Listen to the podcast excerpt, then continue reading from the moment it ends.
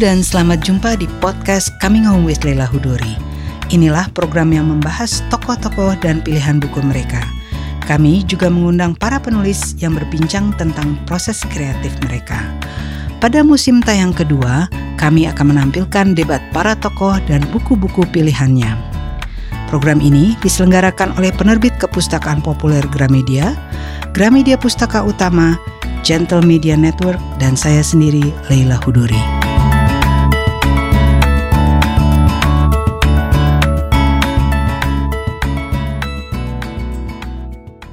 We are still smiling. None of us died from stepping forward. We walked through the fire, but we all came out the other side. I think we're probably all proud of the scars that we receive, she said, in summing up how the reckoning might be remembered over time. Laura Madden took an even longer view. We are not the first people who have spoken up, Madden said we are not the first woman who have spoken up. There isn't ever going to be an end, she said. The point is that people have to continue always speaking up and not being afraid.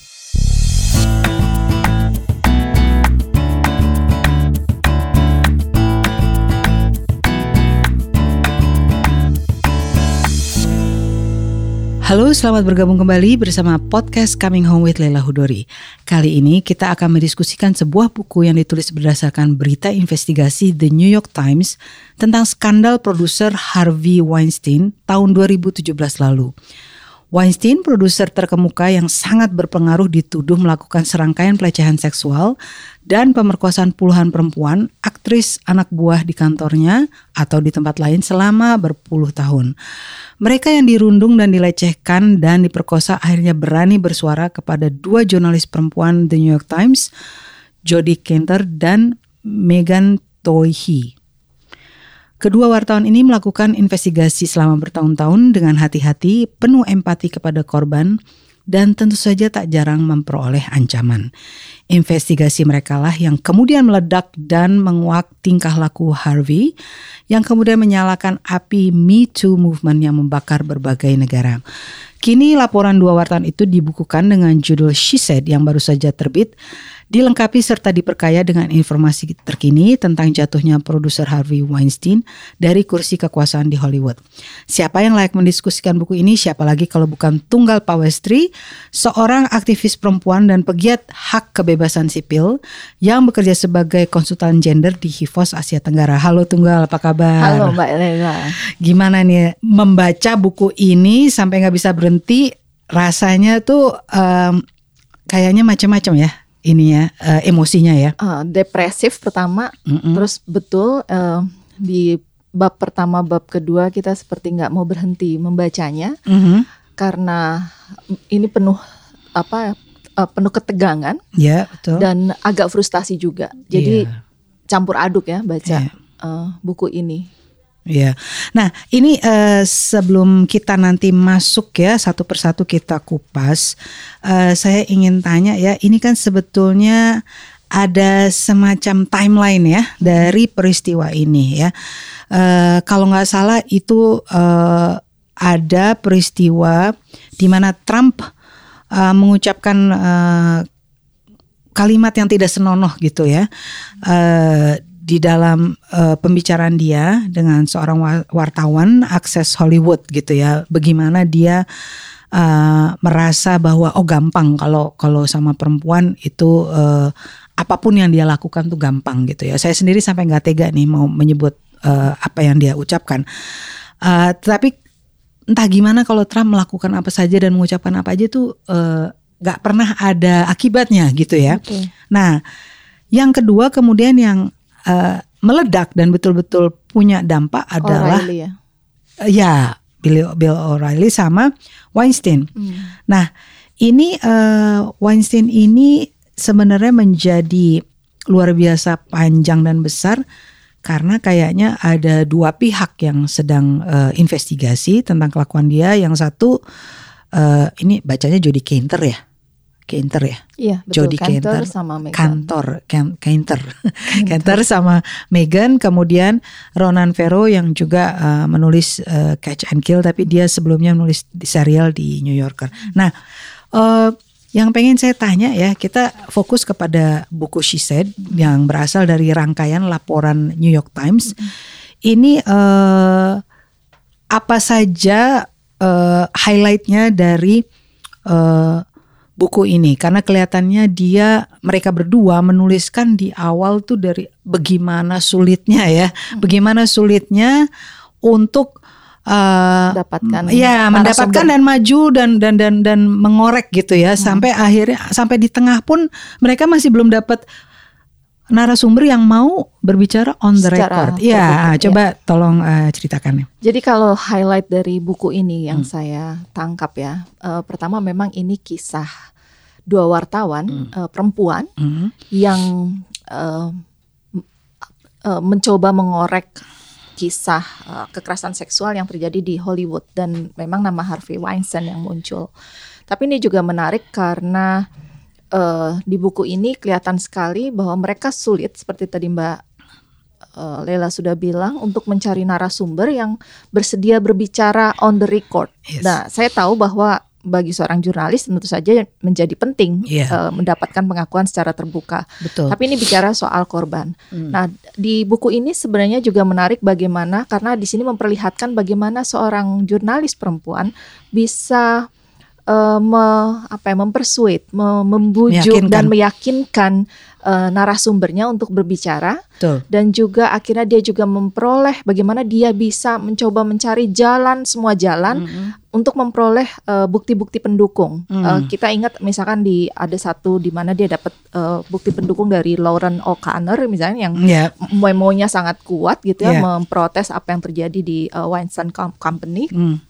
Nah, itu juga ada di buku ini. Jadi bagaimana eh, kesulitan dan akhirnya berhasil meyakinkan eh, korban untuk bicara, lalu eh, bagaimana akhirnya eh, pentingnya untuk mendapatkan sumber-sumber lain untuk berbicara dan juga yang terutama adalah bagaimana mengekspos bagaimana toksiknya lingkungan kerja yang di mana ada seseorang yang sangat powerful akhirnya bisa eh, memperlakukan sewenang sewe- semena-mena terhadap eh, orang yang eh, berupaya sebenarnya bekerja eh, di eh, eh, tempat tersebut.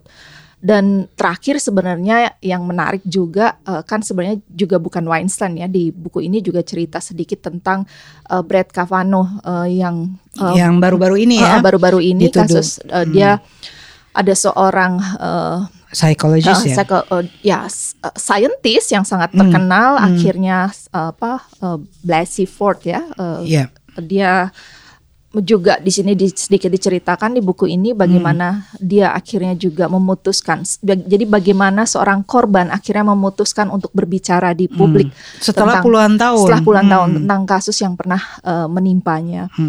Uh, Tentu sedikit saya interject di sini dia uh, punya alasan untuk membukanya karena salah satunya si Kavanaugh ini mau Oh diangkat. jadi uh, jadi salah satu Eh, ya hakim hakim Mahkamah agung, lah kira-kira agung, ya iya, kalau hakim. kita samakan Betul. dengan di Indonesia hakim agung gitu. Jadi itu uh, posisi yang luar biasa. Iya, Penting untuk kan? keadilan, dan itu kan? seumur hidup. Jadi Iya. kalau dia akan berhenti kalau dia sudah meninggal. Iya, jadi uh, itu penting banget. Jadi ya dia merasa harus bersuara lah kira-kira gitu. Ada ada ada alasannya juga gitu. Karena udah tahun 82 kalau nggak salah ya peristiwanya. Mereka masih sama-sama mahasiswa. Tapi ya, tapi eh, ya ini menarik juga ya ketika kita membaca statement-statement dari para korban, Korban. atau survivor. Ini kan juga banyak statementnya. Bagaimana mereka maju, mundur, Iya, memutuskan untuk terbuka atau tidak.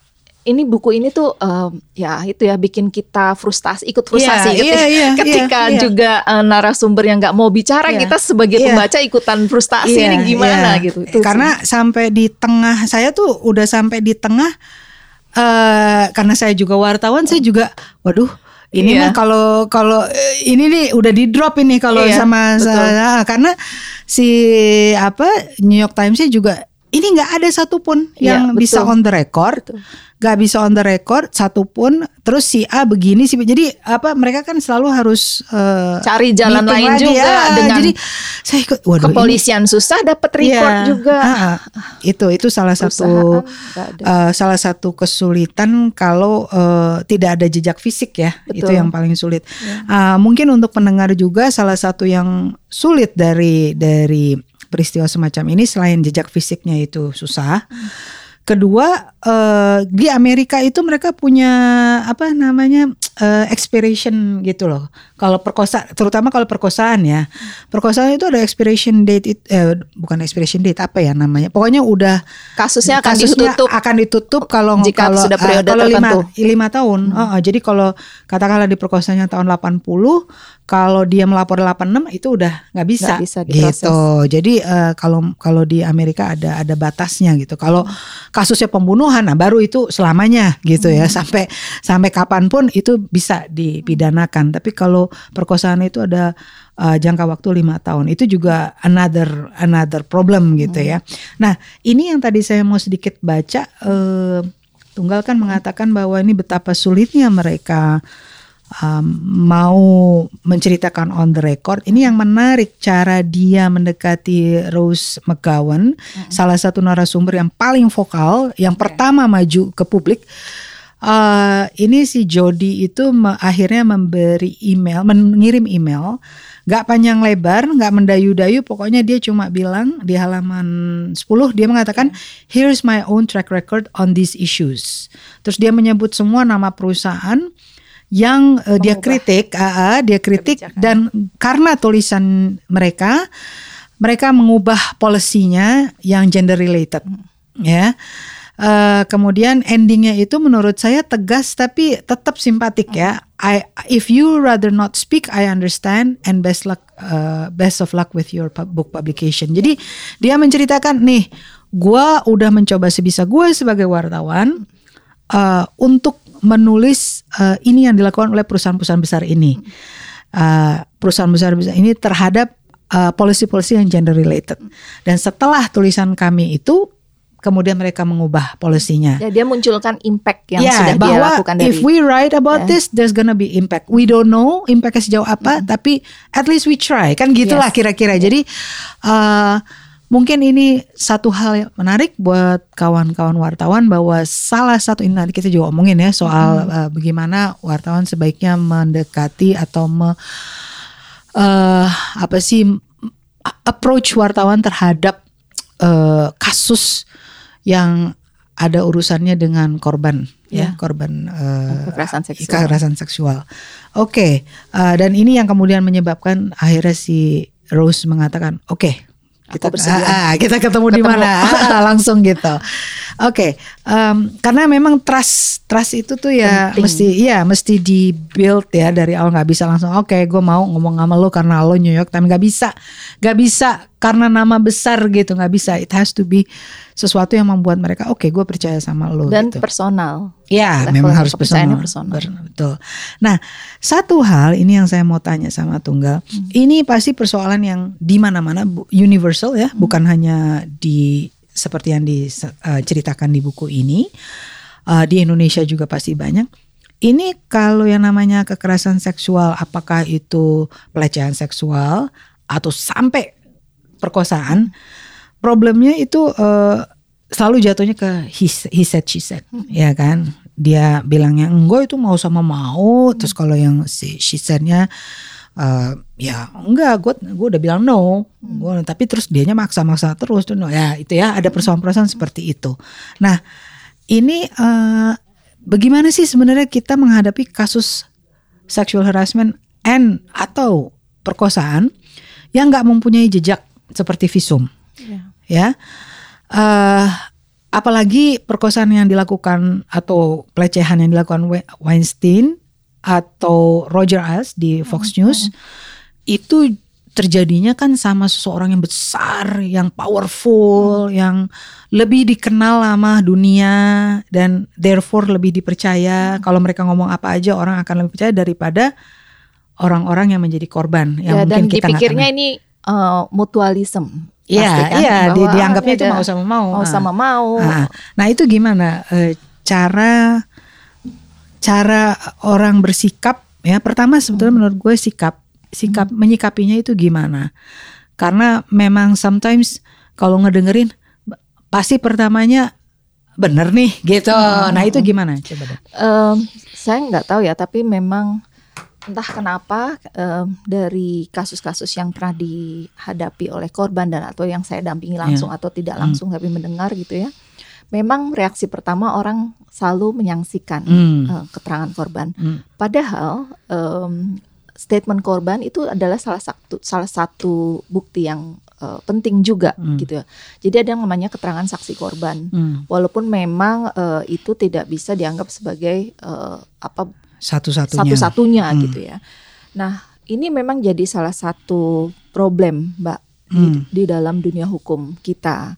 Nah, memang ini apa ya? Apalagi kalau pelecehan seksual gitu ya. Em, sekarang contoh deh, kalau ini berbelakangan kita dengar misalkan begal payudara itu yang ditransportasi publik misalkan. Nah, kalau saja tidak ada pernah ada CCTV yang merekam itu, mungkin pelakunya tidak pernah bisa ditangkap Iya. eh, akhirnya pelaku bisa melenggang bebas begitu Iya, saja. iya. Nah ini kan memang akhirnya itu kalau ada CCTV bisa ditangkap. Kelihatan. Kalau Hmm. tidak ada kan memang akhirnya dia bisa Iya. melenggang dan Hmm. akhirnya kita cuma eh, korban yang akhirnya Hmm. mengalami eh, apa breakdown Iya, mental iya. biasanya.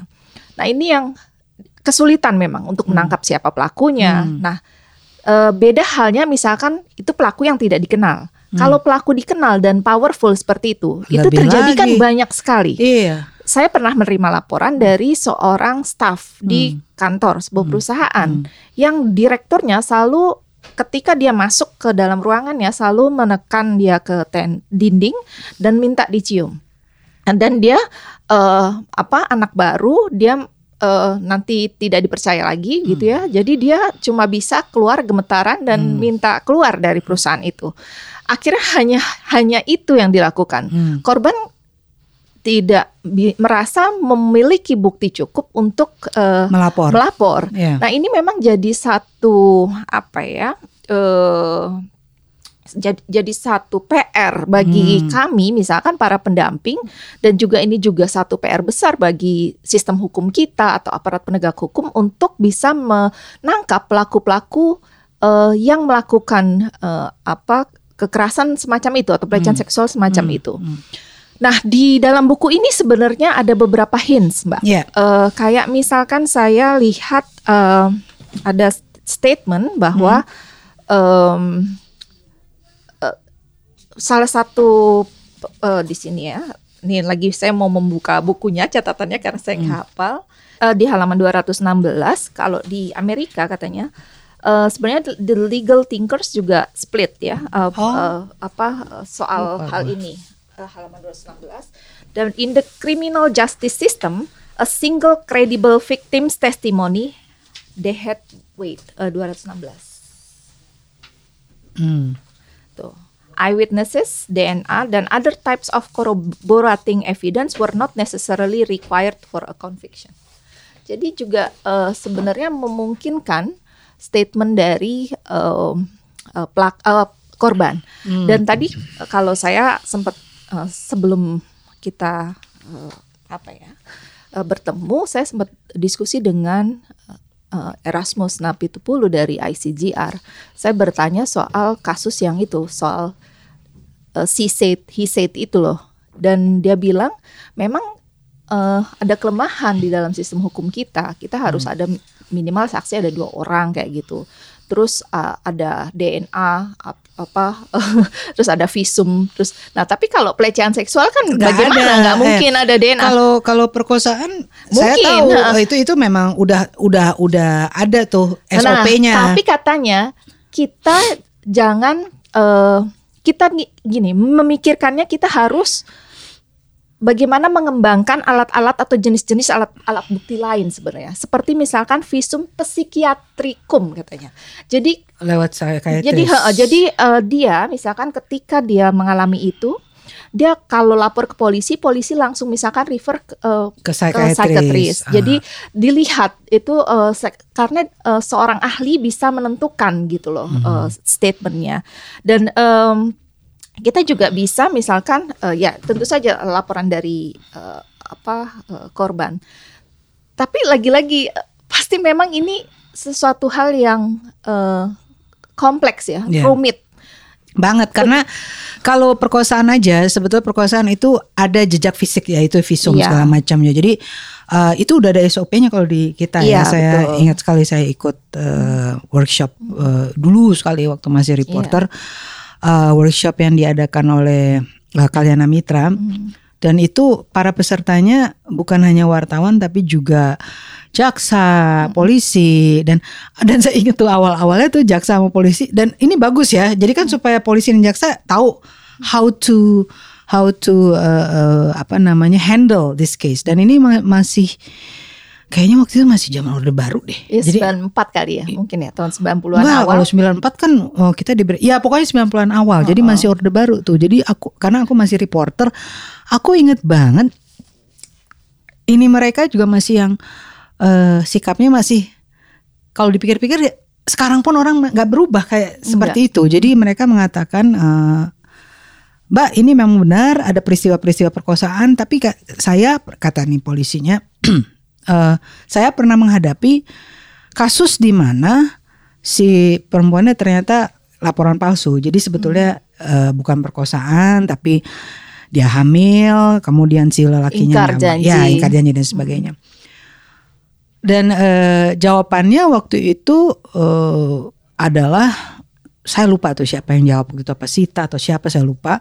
Dia bilang uh, ya first of all sebenarnya itu pun juga sesuatu yang perlu dipersoalkan bahwa si laki ingkar janji tapi ya udah itu another story. Hmm. Tapi kedua dari ribuan laporan hmm. yang seperti itu ada berapa? Memang pasti ada satu dua. Jangan itu yang kemudian dijadikan standar gitu. Jangan gara-gara itu terus artinya laporan perkosaan yang lain itu juga seperti hmm. itu. Bahwa saya ingat deh angkanya kan waktu itu dua dua ribu berapa dalam setahun kalau nggak salah ya. Saya saya lupa sekali itu angka udah lama. Tapi itu katanya kan yang hanya yang lapor. Jadi artinya masih Pasti. banyak sekali ya. Dan dokumentasi kita pada saat itu belum oh, sebagus nah, sekarang. Itu itu tahun 90-an. Nah, jadi um, dan itu jawaban bagus sekali buat saya bahwa oke okay, memang pasti akan ada begitu di mana pun ya hmm. satu dua laporan yang palsu gitu ya. Tetapi bukan berarti menihilkan. Iya, do not laporan -laporan. make this satu laporan menjadi yang lainnya adalah sesuatu yang uh, karena perkosaan itu real, itu ada hmm. gitu. Terus ya udah si polisnya oh iya benar Bu, udah gitu. Jadi uh, tapi kan ini contoh dari buat saya ya, ini contoh pertanyaan atau diskusi dari sat, satu penegak hukum yang ya dia kepingin tahu juga bahwa ini gue ngalaminnya kayak gini nih gitu dan kita udah sampai ya berminggu-minggu taunya oh ternyata kasus yang beda hmm. dan terus saya juga ikut-ikut ya itu kadang-kadang resiko juga bahwa kita udah ngecek ke sana kemari ternyata laporannya hmm. it's not it's not seperti yang dilaporkan gitu ya. Nah, tapi uh, saya pikir uh, begini, kalau tadi ya saya hmm. akhirnya jadi hmm. gara-gara baca buku ini yeah. saya jadi kepikiran, kenapa kemarin saya tidak terpikir misalkan untuk kasih tahu korban yang melapor ke hmm. kami itu ya, hmm.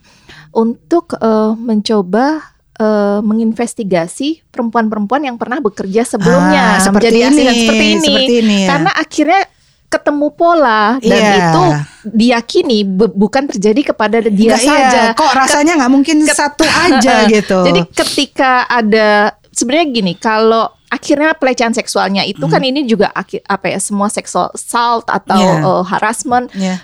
Uh, ini semua pertanyaan semua hmm. korban adalah ada lagi nggak perempuan yang juga digituin? Yeah, ada yeah. kan pertanyaan seperti itu. Yeah, Jadi betul. mereka butuh teman untuk yeah. untuk meyakinkan orang-orang bahwa mereka nggak sendirian yeah, mengalami itu. Yeah.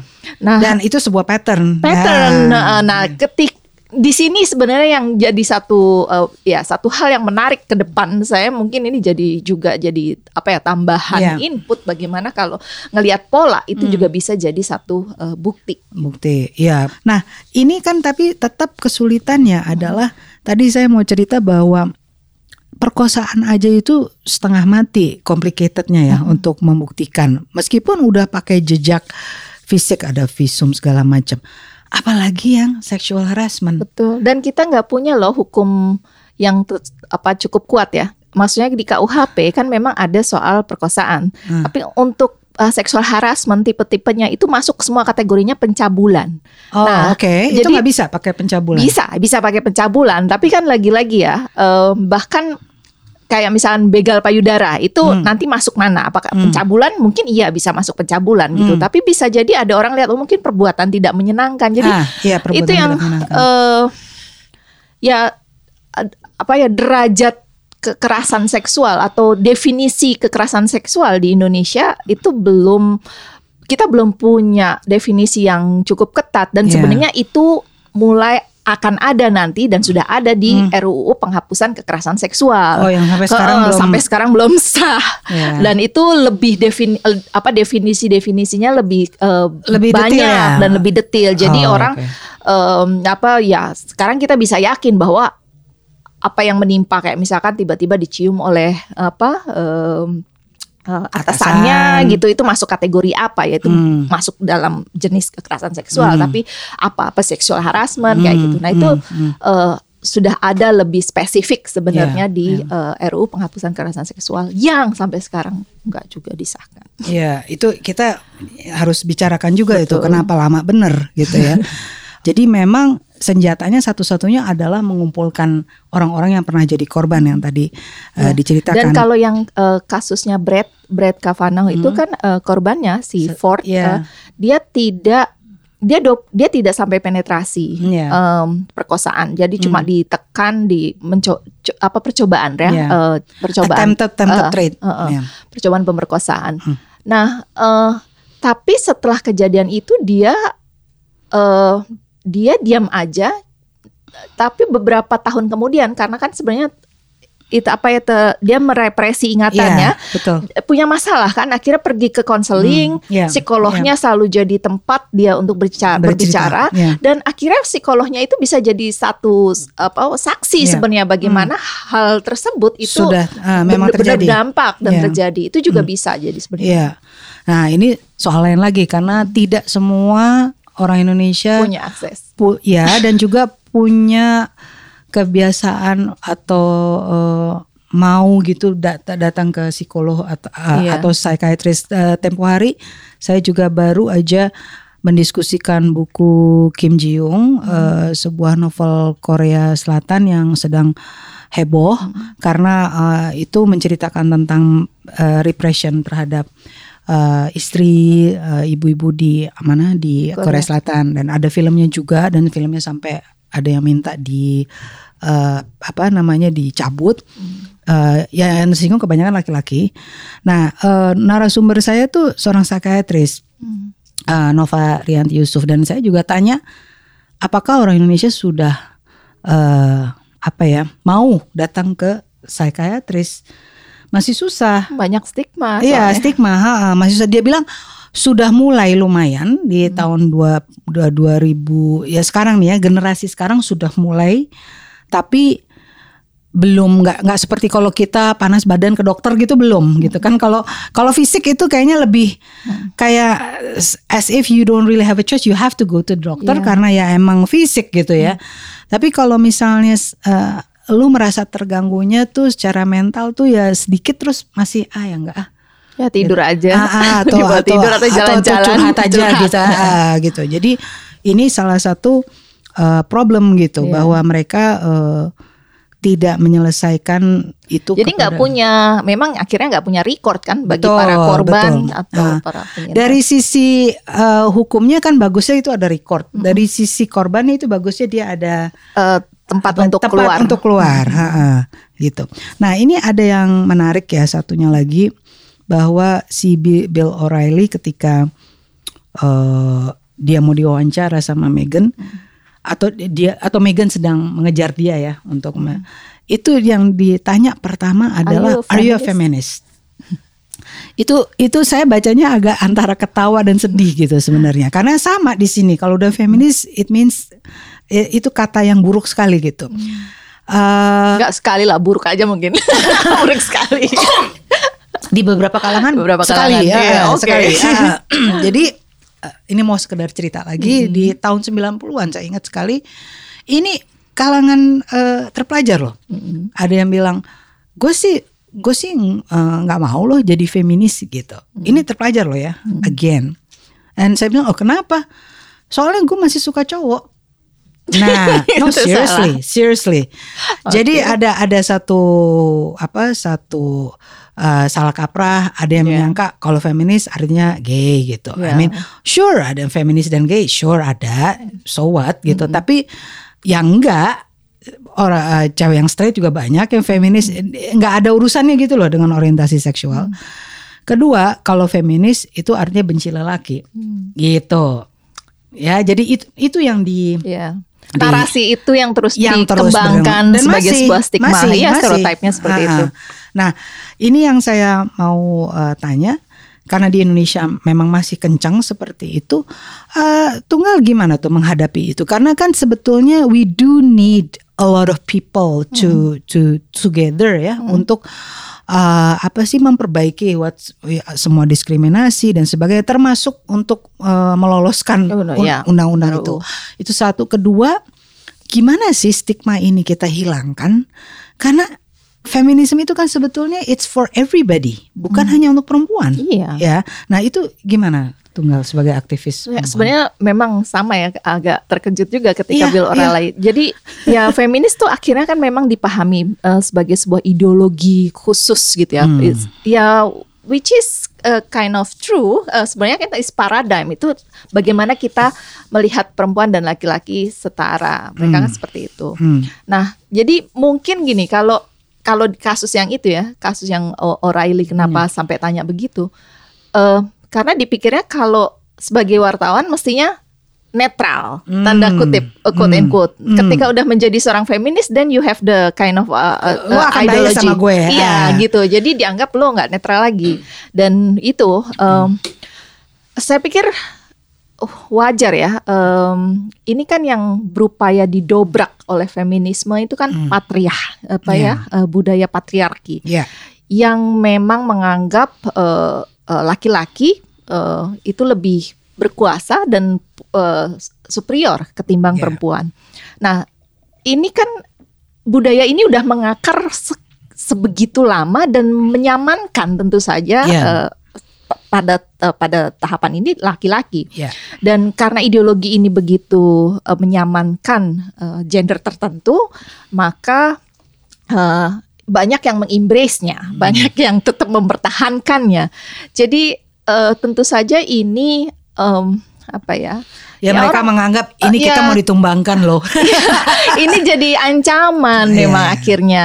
Jadi ya eh, wajar banyak sekali kemudian eh, apa ya stigma-stigma atau eh, kebohongan-kebohongan gitu yang disiarkan tentang apa sih sebenarnya makna feminisme ini. Hmm. Ya eh, sebenarnya yang dibutuhkan adalah em, apa ya em, sosialisasi masif tentang apa sih sebenarnya yang di Feminisme. Uh, uh, maksud feminisme karena udah mulai dibelokkan nih dan udah Hmm. mulai ada tapi memang kita mengakui di dalam feminisme sendiri pun uh, ada berbagai macam apa sub uh, Iya. ideologi artinya Betul. ada beberapa orang yang punya apa embrace feminisme kan ada feminisme liberal lah Iya. radikal dan Iya, marxisme sosialis jadi Iya, semua iya. memang punya um, apa uh, cara pandang jadi setiap feminis punya root uh, Iya. uh, cara cara memandang ketidakadilannya kenapa nih root cause-nya tuh apa Iya. sih Uh, akar penindasan terhadap perempuannya apa Hmm. Nah, karena semua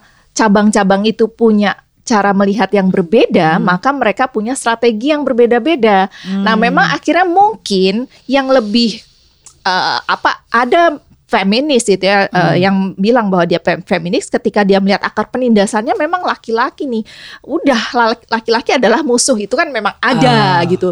Nah, itu yang dipakai gitu loh eh, sebagai senjata sebagai eh, sebagai senjata oleh kelompok yang anti feminis. Hmm. Jadi pada eh, apa ya seolah-olah menihilkan banyak cabang-cabang Cabang yang feminis lain, lain, yang ya. enggak Yang punya struktur, karena ada ini ada persoalan struktur, Ada persoalan urusan kita ekonomi. bukan laki-laki, Mm-mm. musuh kita itu sebuah struktur eh, budaya yang menindas misalnya. Ya. Nah itu ya Mbak yang sering Hmm. sering akhirnya uh, ya bagi yang tidak suka tentu saja ini jadi seperti senjata yang terus dipakai. Paham. Jadi memang uh, buat saya sih um, kita semakin banyak kok sekarang orang semakin terbuka dan pengetahuan juga semakin uh, apa ya tersebar di mana-mana. Yeah.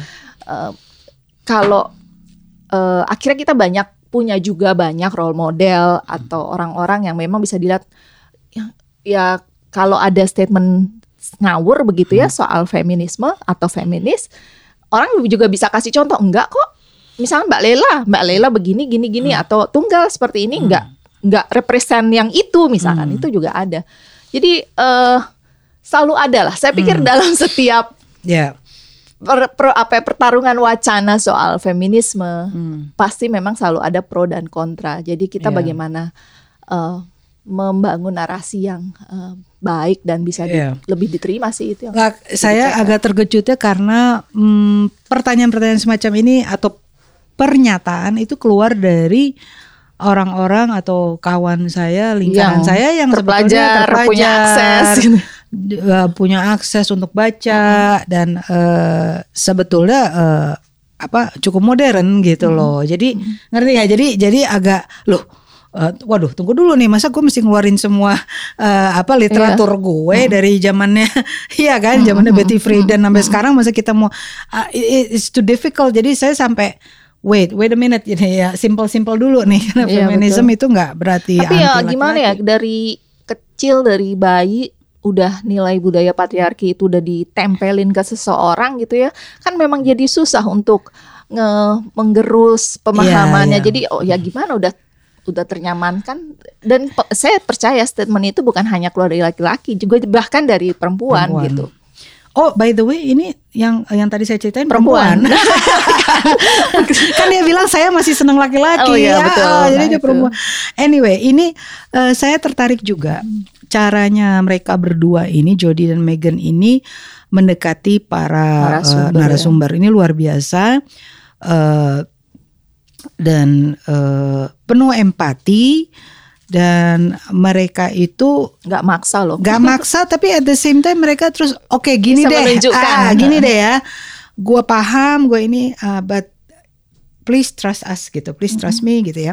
Nah uh, saya mau tanya tunggal ini kan pasti sering sekali diminta pendapat sama wartawan apalagi kalau ada berbagai kasus pastilah iya. ditanya yeah. ya sebagai seorang uh, aktivis perempuan Pertama, kalau secara general melihat dari kawan-kawan wartawan yang mewawancarai, kita nih uh, media di Indonesia nih di tahap apa dalam kemampuan uh, melakukan reporting uh, yang menyangkut kekerasan seksual. Kita tuh ada di mana gitu ya.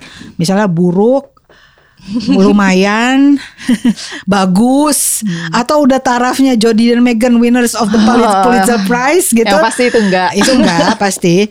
Uh, itu satu. Kedua hmm. ini apakah memang semua wartawan laki perempuan pemula sampai ke redaktur-redakturnya harus melalui sebuah workshop? Hmm. bagaimana reporting dan menulis menyajikan uh, laporan yang menyangkut kekerasan seksual. Dan ini bukan sekedar bukan seperti kasus Harvey aja, hmm. tapi every kekerasan seksual, apakah itu misalnya kasus uh, pedofil hmm. ya.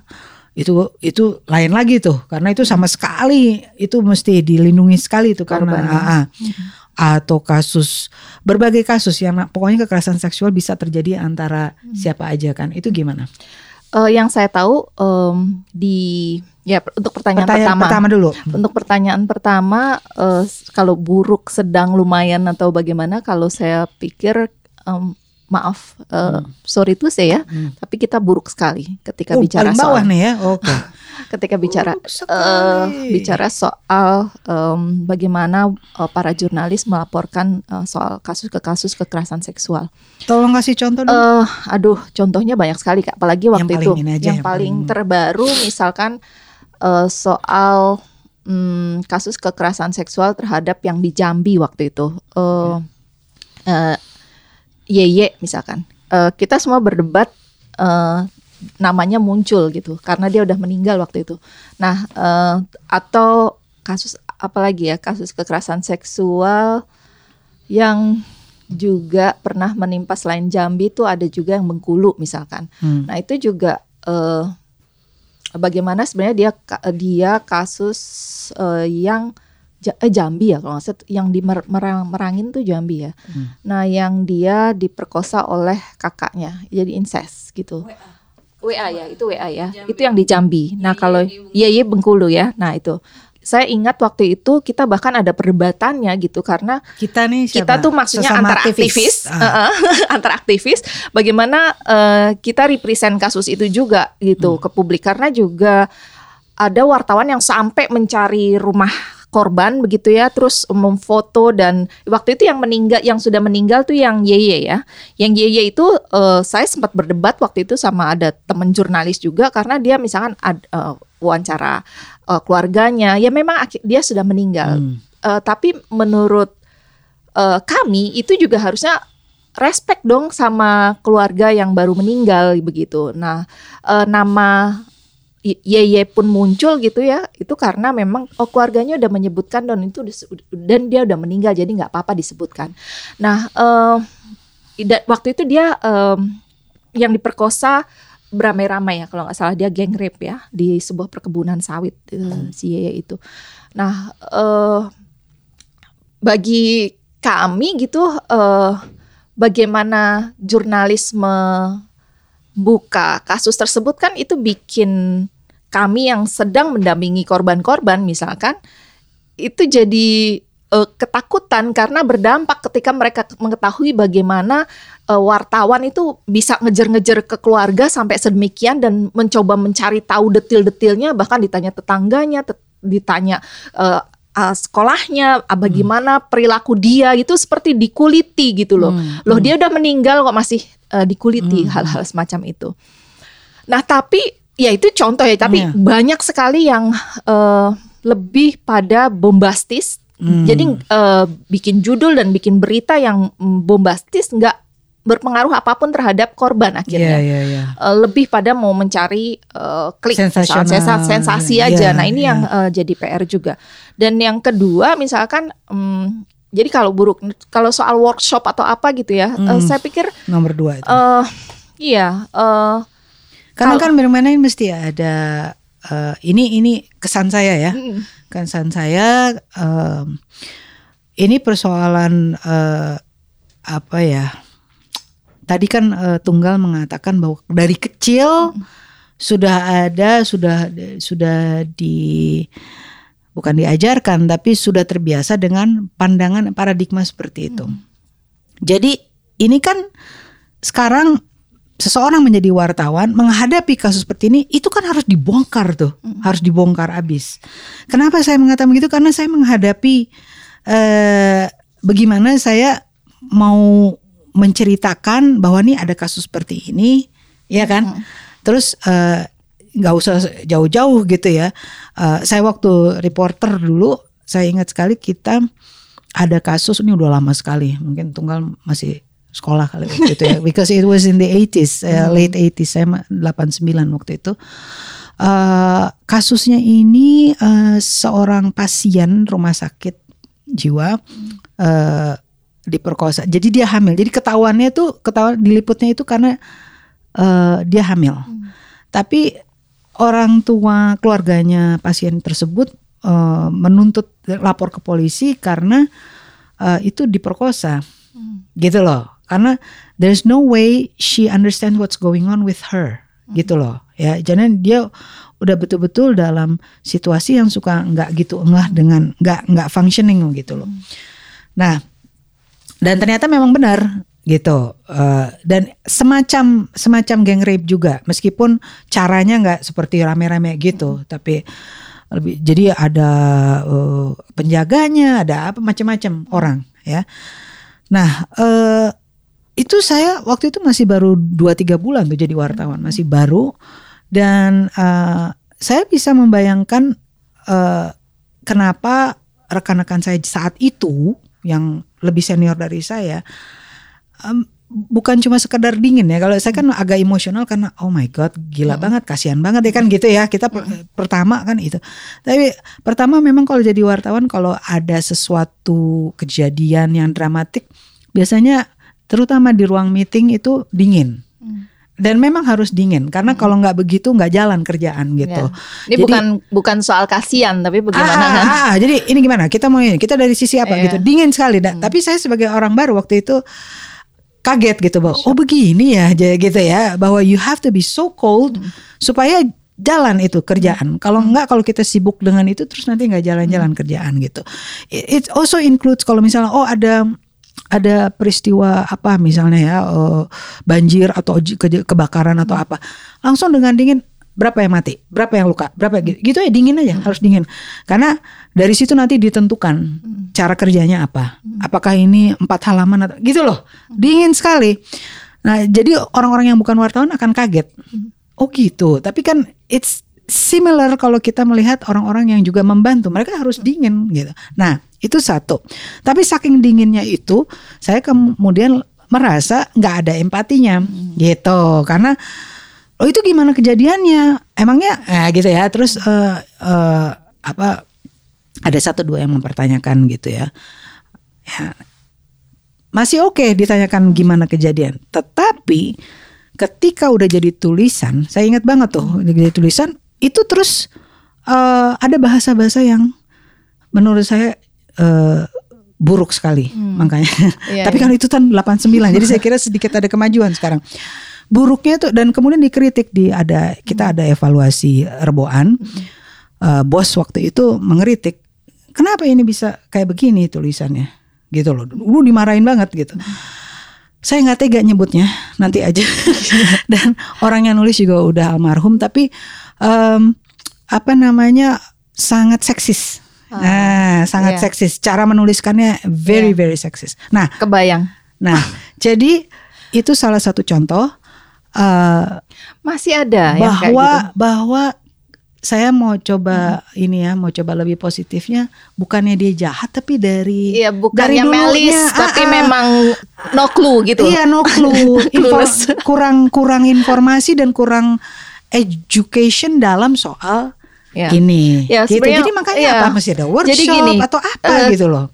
Tadi saya memang bilang bahwa itu buruk sekali ya, Ah, masih ya, kita, ah, masih buruk masih. lah, tapi nggak buruk sekali. Tapi ada juga saya perhatikan beberapa orang-orang atau jurnalis Hmm. yang sudah mulai punya kesadaran untuk menulis dengan baik, Mbak, soal ini. Bagaimana menghormati privasi korban. Hmm. Bahkan ini ini ya eh, salah satu tulisan yang saya suka itu Hmm. ada tul- tulisan teman-teman yang Persma UGM ketika kasus Agni.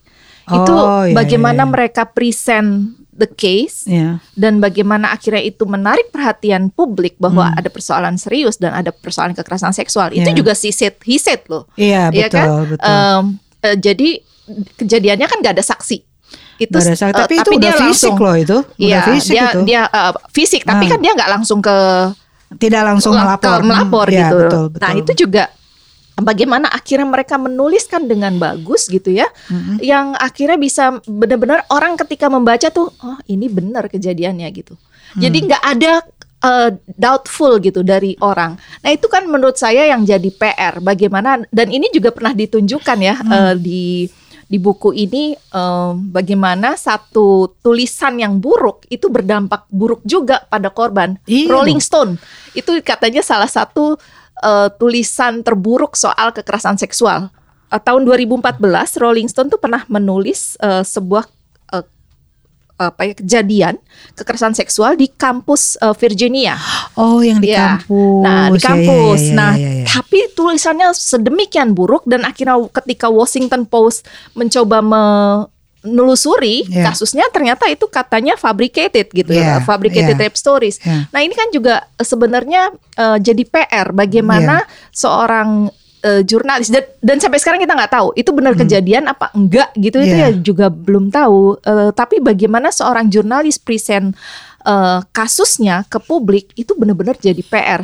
Bagaimana kasus yang dimunculkan atau dituliskan bukannya malah bikin sensasi doang, tapi Yeah. bagaimana dia seharusnya bisa membantu korban menjadi apa ya uh, uh, menjadi suaranya apa uh, apa ya uh, jadi satu outlet buat Yeah, uh, yeah, korban yeah. untuk uh, membicarakan isunya. Iya, ini gitu. saya ingat ya ini kasus Tuh, ini. ini itu kan Iya, ya, ditulis kan. dan saya ya ini ini eh, sebetulnya penulisan buruknya sebenarnya di spektrum yang satunya karena Hmm. dia justru maksudnya mau bercerita bahwa oh ada perkosaan eh, gang rape di Universitas Virginia, tapi evidence-nya itu nggak nggak nggak cukup ya gitu ya sehingga bisa tulisan seperti itu bisa dianggap bahwa ini fabricated jadinya. Nah, jadi ini jadinya semacam semacam ini nih buruknya bumerangnya seperti yang tadi eh, waktu ada polisi yang bercerita yang mengatakan bahwa ini kalau misalnya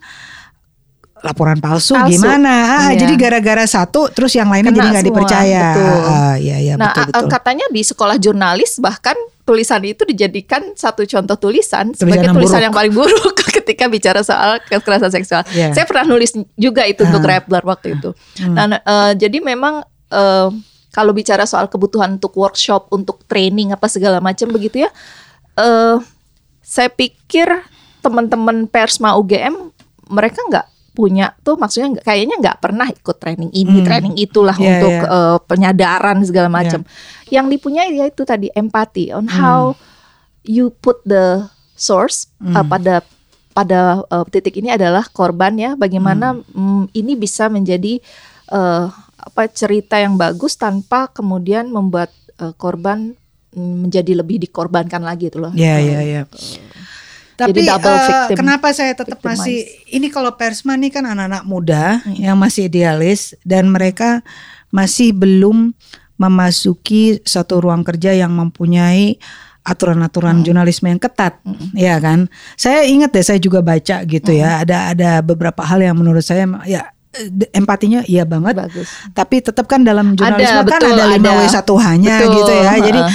nah, jadi eh, sementara di ruang kantor yang sudah apa ya so called eh, professional ada banyak gerbang-gerbang ah, dan juga ada banyak gerbangnya kan Persis. dari seorang reporter ke penulis, dari Editor. penulis ke editor, dari gitu Editor loh. ke eksekutif editor. Jadi uh, so many gerbang yang harus dilalui terutama kalau majalah ya. Nah, jadi um, saya kira sih harus deh ada minimal tuh kayak ada ceramah mungkin satu minggu yang pertama ceramah kemudian kedua Sebenarnya kalau ada di diskusi yang saya tahu di AJI ada standar eh, untuk jurnalis bagaimana eh, standar mereport kasus-kasus kekerasan seksual, Mbak. Ada di Ada buku ya? panduan jurnalis eh, buat AJI.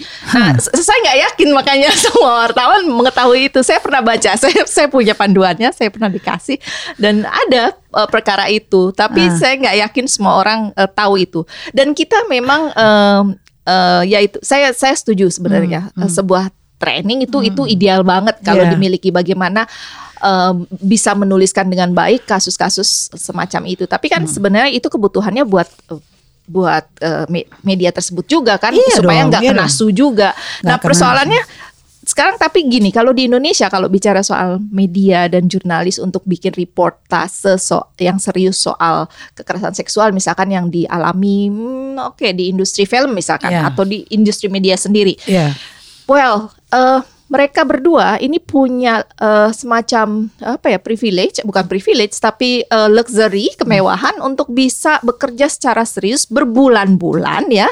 Karena Mei kalau nggak salah mulai mm, eh, Lama mereka bikin. Mei 2017, lalu tulisannya keluar 5 Oktober. Jadi jadi Juni, Juli, Agustus, September. So they have like four months untuk eh, menelusuri satu kasus atau membuat sebuah laporan yang lengkap dan mereka hanya fokus di tulisan itu saja. Em, sementara di sini mana ada eh, wartawan yang misalkan dikasih, nih lu pokoknya ya fokus ke fokus situ ke Hmm. satu isu itu. Saya pikir itu cuma sekarang aja misalkan eh, nggak boleh sebut merek ya, Ya. sebut merek, sebut merek. Ada s- hanya cuma eh, terbatas saja media yang masih melakukan, Melakukan itu investigasi. dan bagus memang eh, apa eh, memang mereka eh, apa kelihatan sekali punya panduan yang sangat eh, rigid Yeah. di organisasi medianya atau di, Yeah, eh, di yeah. media tersebut perusahaannya bagaimana melaporkan eh, apa Investigasi. investigasi semacam Hmm, itu. hmm. Tapi kalau buat yang lain apalagi media-media online yang gak jelas begitu Mbak. Aduh. Hmm.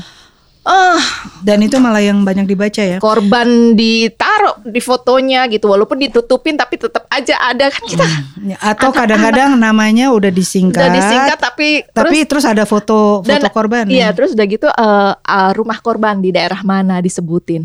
Hmm. Sampai gangnya. Ini ini gimana ya? Iya. Kan itu akan terrecord di dalam media sosial Iya. dan dia akan Hmm. dewasa.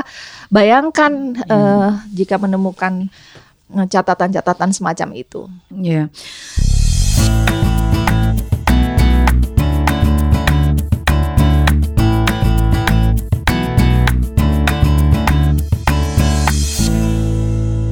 Jadi em, dengan segala fakta-fakta yang membuat kita down banget, Semangat Mbak, yang muda-muda ini kok. Saya kalau ketemu jurnalis-jurnalis muda mereka they they do have this kind of awareness kok Ya, untuk bagaimana uh, Ah. bikin liputan yang bagus soal uh, apa uh, ke kasus-kasus kekerasan, seksual. kekerasan. Ya, oke, ya itu cukup eh, mem- mem- memberi harapan ya. Tapi Anda harus ingat juga. Ini kan tidak tergantung oleh si reporter yang Anda Hmm. anggap tadi kan ini kan Betul. kalau yang namanya jurnalisme itu satu rangkaian. Betul. Jadi si reporter ini udah punya semangat dan Editornya punya- kalau di sini Nah, bagus ya si iya. Corbett Ah, gitu ya. Corbett, oke. Terus uh, eksekutif editornya si Iya, Bucket uh, iya. uh, Bucket apa basket namanya? Ya, pokoknya semua, Uh, semua karena itu mereka semua semua udah udah satu Heeh, dan ta- tapi satu visi. Betul juga tadi soal dingin ya. Eh, Hmm. sebenarnya Corbett atau si Bucket itu dingin juga kan Iya, ketika dingin, nanya. Kita nggak dingin. bisa kalau nggak Iya, ada itu makanya yang mau sampai- on the record. Sampai di tengah dia Pastikan. bilang ini nggak bisa nulis Sampai nih chapter 5 Corbett." kalau nggak Ya. salah. Kita ada 9 chapter di buku ini tapi sampai chapter 5 tuh masih ngos-ngosan Belum, belum, ah. belum nemu. Nah itu saya mau sedikit eh, komentarin ya bahwa itu eh, si Jody dan si Megan itu eh, punya kemewahan gitu ya. Sebenarnya itu gini ya, kalau em, tradisi di online itu Ya. tuh memang mereka sehari satu satu, tapi sebetulnya mereka itu em, juga melakukan follow up. Oh, Ah, jadi kalau misalnya kasusnya itu sebuah kasus panjang, itu mereka biasanya bikin tim. ah, bikin bikin dulu ini terjadi ini, kemudian nanti follow up besoknya, follow up besoknya, gitu loh. Jadi eh, itu kerjaan investigatif juga sebetulnya. Ini terutama bukan hanya kekerasan seksual ya, apa pun, misal korupsi atau apa, itu eh, yang saya tahu kalau di Tempo online maupun majalah dan koran itu ya kalau majalah dia akan bikin lebih dalam lagi karena dia ada waktu.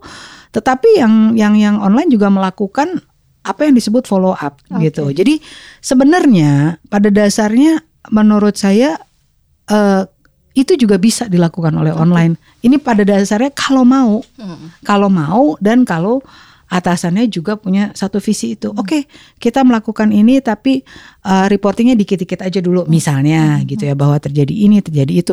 Ini kan mereka tahan dulu karena ini mau mau mempersoalkan orang besar nih Iya. si Harvey. Seandainya kalau bukan ya mereka pasti udah keluarin dari awal. Iya. Ya ini karena uh, Harvey ini serem. Nah, ini saya mau mau ngomong soal orang besar nih, Eh, orang tokoh-tokoh yang berpengaruh seperti Harvey eh, Weinstein, seperti Roger Ailes yang ada di film Bombshell itu Fox, kemudian Matt Lauer, kemudian waduh banyak banget nggak ini nggak bisa. Sebelumnya ada Bill Cosby ya, Mm-mm. ya kan. Jadi itu kan Kena. orang-orang yang terkenal, yang sangat berpengaruh, yang punya banyak duit. Nah ini adalah orang-orang yang ternyata eh, melakukan se- dengan pattern yang sama melakukan sexual harassment sampai ada tuduhan perkosaan, ya.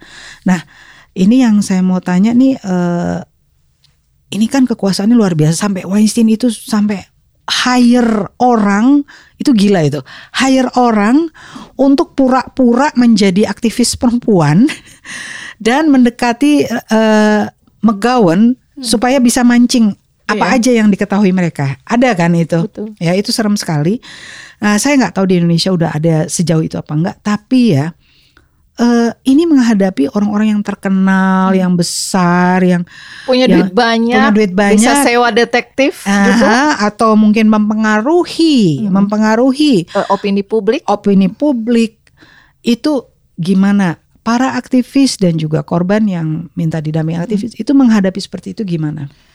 Hmm, gini ya, bahkan yang ketika menghadapi orang yang mungkin tidak punya pengaruh besar saja, itu kesulitannya berlapis. Uh, hmm. Pernah kita misalkan pelakunya adalah salah seorang pejabat di uh, sebuah aparatus negara. Ya. Hmm. Nah, um, dia pejabat daerah sebenarnya. Oke. Okay. Tapi dia pun juga begitu. Dia bahkan bisa meng-hire wartawan uh, untuk wartawan menulis baliknya. untuk menulis baliknya hmm. dan juga meminta informasi ke kepolisian di mana perempuan korban itu ditaruh. Karena uh, kan biasanya oh, kalau ketika terjadi ini kasus KDRT yeah. misalnya yeah, ya. Yeah. Uh, dia akan cari tahu di mana uh, korban kami sembunyikan masuk hmm. safe house. Hmm. Nah, dia akan menggunakan pengaruhnya untuk mencari tahu di mana safe house itu untuk mengambil uh, istrinya kembali gitu. Jadi uh, nggak usah ngomong orang-orang besar, orang-orang yang nggak terlalu besar pun biasanya akan coba cari cara untuk um, apa melakukan sesuatu terhadap uh, kasusnya dan mempengaruhi korban. Hmm. Um, itu banyak sekali mbak kasusnya. Jadi lagi-lagi ya, bahkan orang yang tidak punya Maksudnya nggak dikenal secara nasional secara ya? nasional aja hmm. bisa melakukan banyak hal untuk mengintervensi atau melakukan kekerasan atau ancaman hmm. terhadap hmm. korban yang hendak uh, melaporkan kasusnya ke hmm. kepolisian. Jadi um, uh, ya ini memang uh, satu tantangan ya bagi hmm. para uh, apa ya bagi korban. Hmm. Makanya nggak uh, heran kalau sulit bagi korban untuk bicara karena yang namanya safety, yang namanya security atau jaminan perlindungan bagi uh, para korban ini kan um, tidak terlalu apa ya, meya, apa memberi belum memberi safe rasa memberi rasa uh, aman dan yeah, perlindungan yeah, gitu. nah, ini yeah. yang memang uh, sesuatu yang uh, ya masih jadi PR lah, Mbak. Yeah. Dan uh, terus ini ya juga sebenarnya menarik tadi kalau Mbak bilang uh, apa ada orang yang mungkin di hire gitu yeah. untuk apa yeah, yeah, aktivis palsu yeah. untuk kasus Weinstein kan juga ya selain uh, aktivis palsu da, tapi juga lihat dia punya uang banyak sampai pengacara yang dianggap feminis inget inget Lisa ya Adler Bloom, Lisa terus Bloom. dia dia anaknya Adler kan yeah. yang uh, hmm. salah satu uh, lawyer feminis, feminis yeah, gitu dan yeah. Lisa Bloom juga meng, apa ya apa ya uh, self claiming sebagai yeah. bagian dari uh, movement dan yeah. juga uh, aktivis yeah. perempuan hmm. namanya sering muncul di yeah. uh, isu-isu perempuan dia juga ternyata ber uh, apa membantu yeah. uh, Weinstein hmm. untuk memberikan jawaban-jawaban dan yeah. menyiapkan jawaban-jawaban bahwa om ini yang memang kelakuan seperti ini ya saya pikir itu dulu wajar ya tapi sekarang saya minta maaf yeah. dan mau yeah. membuat bantuan terhadap perempuan yeah. uh, itu juga shocking ya buat yeah. saya bagaimana akhirnya yang namanya kuasa itu bisa membeli yeah. segalanya termasuk membeli um, apa mereka yang sebetulnya orang-orang yang kita pikir seharusnya ada di sisi korban tapi yeah. justru ada berdiri di pihak pelaku. Pelaku. Ya. Yeah. Ya, yeah, itu itu itu ini juga uh, uh, disampaikan ya di buku ini yeah, ya dan banget. itu benar-benar bikin kita Nah, Marah. ada ada beberapa aspek lain di dalam uh, kasus ini yang di, diceritakan di dalam buku She Said ini. Uh, misalnya uh, asistennya Weinstein ini ketika memberi kesaksian ya, uh, dia memberi kesaksian bahwa pertama kali dia di uh, sexual harassed, kedua kali dia kemudian diperkosa. Nah, tapi yang terjadi adalah lawyernya kemudian uh, menyerang dia dengan mengatakan kenapa kalau lo memang benar di sexual harass lalu diperkosa, lo masih mau datang lagi setelah itu, masih mau ada hubungan gitu loh. Masih masih maksudnya hubungan tuh jadi iya, lo disuruh udah datang pertama. Ah, terus besok kok masih ah, ah, dan lagi. setelah itu dia masih datang mau datang lagi, lagi ya. Uh, itu. Terus juga Asia Argento kan juga hmm. sama. Sebetulnya pertamanya dia diperkosa dia bilang dia diperkosa. Hmm. tapi terus belakangan akhirnya dia punya relationship hmm. sama si Harvey. Dia sendiri ngaku iya yang pertama saya memang diperkosa tapi belakangan ya udah deh dia dia dia mengakui dia punya relationship. Tapi ini kejadian seperti eh, terhadap Asia Argento dan juga uh, terhadap asistennya. Ini kadang-kadang yang membuat orang jadi susah percaya Ngerti ya? Jadi susah bahwa ini yang benar gimana sih? Ya Ah, banyak itu coba deh. sekali Mbak juga ini kasus-kasus itu ini cuma salah satu contoh. Tapi Iya. di Indonesia kita juga tahu waktu itu ada kasus SS eh, yang ada seorang mahasiswa Hmm. eh, datang ke eh, ke tempat dia terus em, bujuk rayu akhirnya eh, ada pemerkosaan tapi masih mau datang lagi gitu ya. Hmm. Itu semua akhirnya membuat korban menjadi tidak kredibel gitu karena Iya. dia datang lagi ketika udah tahu eh, melakukan ini eh, apa dia eh, kamu nggak suka kamu merasa itu diperkosa kenapa besok hari datang, Datang lagi lagi. ya. apalagi datangnya ke rumahnya Hmm. eh, pelaku misalkan Eh, jadi itu makin membuat korban jadi seperti tidak kredibel untuk Ya. bilang bahwa dia men- mendapatkan kekerasan seksual. Hmm. Nah, i- kasus eh, lain juga itu sebenarnya eh, bu- yang tadi yang pelecehan seksual di dalam tempat kerja ya. Ya, Eh, ada power relation. ada power relation. Eh, seorang asisten datang eh, hari ini datang, terus besok lagi eh, dia mengalami pelecehan, tapi terus ya dia gemeteran, dia takut, tapi besoknya dia datang lagi, dia merasa dia masih muda dan dia baru bekerja dan, Dan oh, dia orang masih- dia dia butuh uangnya, Iya. dis- dis- susah cari pekerjaan, Hmm. jadi eh, dia pikir dia akan bisa mengatasinya. Hmm. Jadi kita nggak bisa kasih penilaian kenapa orang ini datang lagi atau kalau Yeah. cerita-ceritanya di eh, Harvey Weinstein di Season. buku Sised ini kan eh, itu anak-anak muda yang atau artis-artis yang gampang dimanipulasi. gue pengen gue pengen besar gue pengen kerja Hmm. serius begitu ya dan eh nanti kalau aku lawan dia akan merepresi semua Iya. eh, karir gue Dan dia itu memang dimatiin terjadi. dan itu terjadi, Itu terjadi, gitu. Ka- karirku dimatiin Iya. dan dan bagi seorang ah, aku aku ya saya sih nggak bisa membayangkan ya kalau saya punya mimpi besar gitu ya terus tiba-tiba mendapatkan itu pertama kalau saya bicara ke publik saya tidak akan dipercaya itu kan Iya, eh, iya. nggak Tapi lagi-lagi itu yang terjadi sama si Ashley Judd, terus sama si eh, aduh saya lupa aktris yang main Mighty Aphrodite itu. Pokoknya ada tiga aktris yang karirnya memang setelah itu stuck gitu. Yang di Bali itu karena dia aduh mbak aku ibuku tuh eh apa apa single mom. Aku Hmm. baru kerja pertama dan adik-adikku banyak. Mereka mengharapkan dari aku. Nanti aku susah lagi cari kerja jadi saya tahan-tahan. Ini gimana ya mbak? Tapi dia bingung ya. Dia tetap harus ke kantor lagi. Iya. tapi dia coba cari cara untuk menghindari akhirnya Iya. bertemu dengan eh, bosnya sendirian misalkan di dalam ka- jadi Itu eh, yang dilakukan Iya korban dan, dan itu juga. itu apa ya? eh, saat akhirnya memang kalau ketika kita udah bicara dengan korban langsung, Hmm. ya jangan selalu membandingkan dengan kekuatan yang kita miliki Iya, misalkan. betul, betul, jangan betul. selalu membandingkannya dengan kalau gue sih begini gitu. Iya, iya. no, everyone they have different different uh, uh, reaction. reaction Iya. gitu. Ada yang merasa uh, nggak tahu bahwa yang dialami itu bahkan itu masuk ke pelecehan seksual. Dia pikir, oh ya mungkin begini ya kali ya kalau memang bekerja di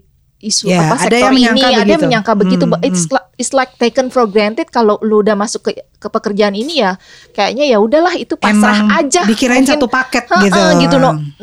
Itu kan juga yang Hmm. uh, Nah itu makanya ada perso- ya, gitu. persoalan eh, harus banyak informasi soal kalau udah sampai sentuhannya seperti ini itu udah pelecehan gitu. Betul. Tapi kalau cuma sekedar halo gitu, oke, Iya. iya kan. Tapi kalau there's unwanted eh, apa touch di bagian-bagian yang kita nggak mau, ah, itu Iya, udah nggak beres gitu. Jadi memang hal-hal yang kompleks gitu emang udah mesti di ya itu pendidikan tadi mesti Hmm. mesti di ini kan.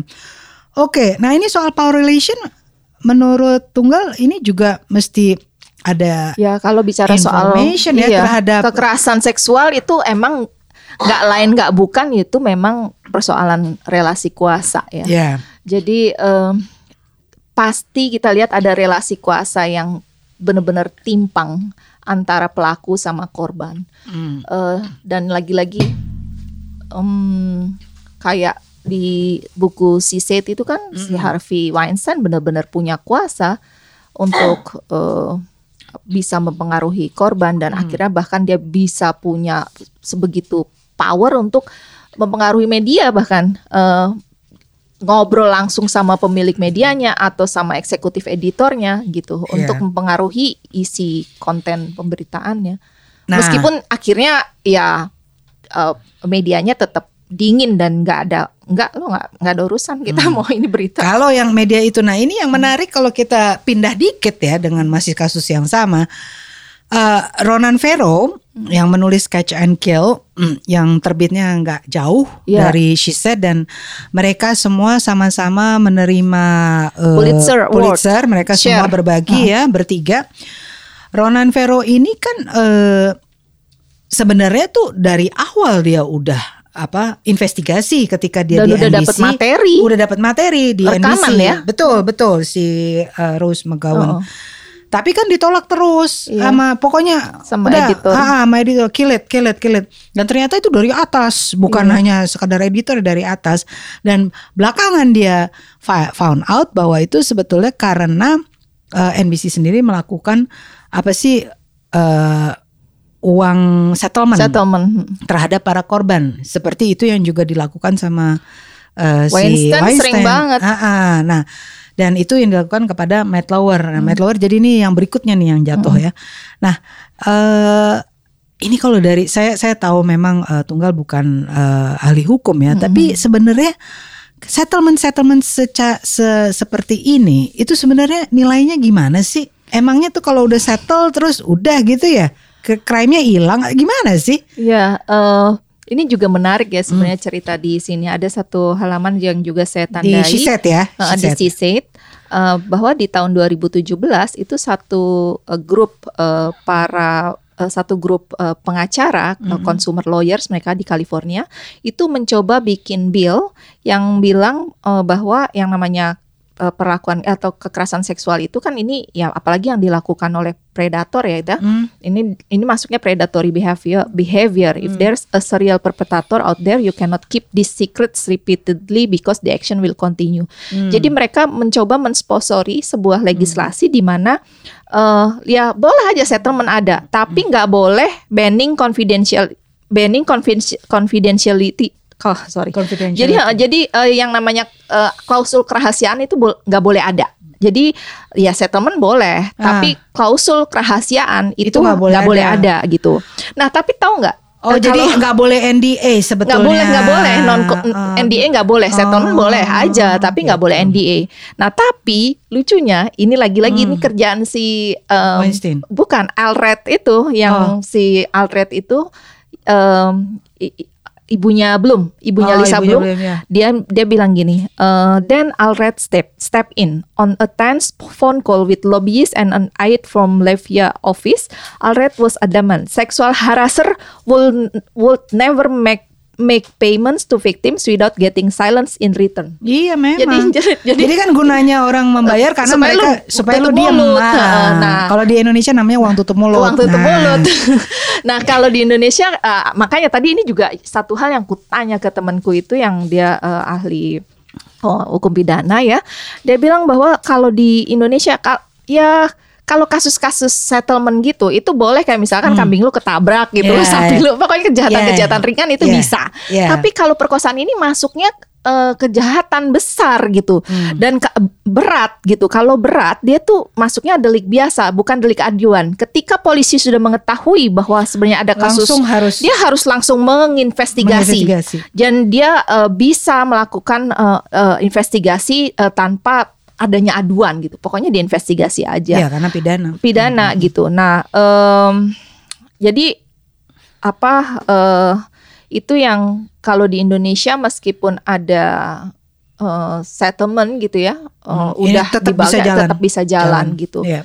Ada beberapa kasus bukan kekerasan seksual tapi pembunuhan yang udah ada settlement, tapi ya polisi tetap jalan juga Iya, karena betul. memang Nggak bisa. memang harus di Itu harus tetap tetap di eh, apa dilakukan gitu Iya. bahwa nanti kemudian hakimnya akan memutuskan ya bersalah atau, atau berapa lama itu di penjara itu soal lain ya kalau Iya. di pengadilan. Tapi memang ini gila sih, eh, Mbak. Sekarang bayangin aja kalau kamu punya duit banyak sekali gitu ya dan punya kuasa sebesar Weinstein seperti itu, dia bisa dengan leluasa hari ini eh, melecehkan ini, besok melecehkan ini dan semua ketika mau melapor ya pokoknya disodorin lo diem lo ya nih pokoknya Hmm. settlement tanda tangan itu kan berarti NDA, NDA, iya, NDA. dan dan menurutku lawyer yang membantunya itu ya brengsek gitu.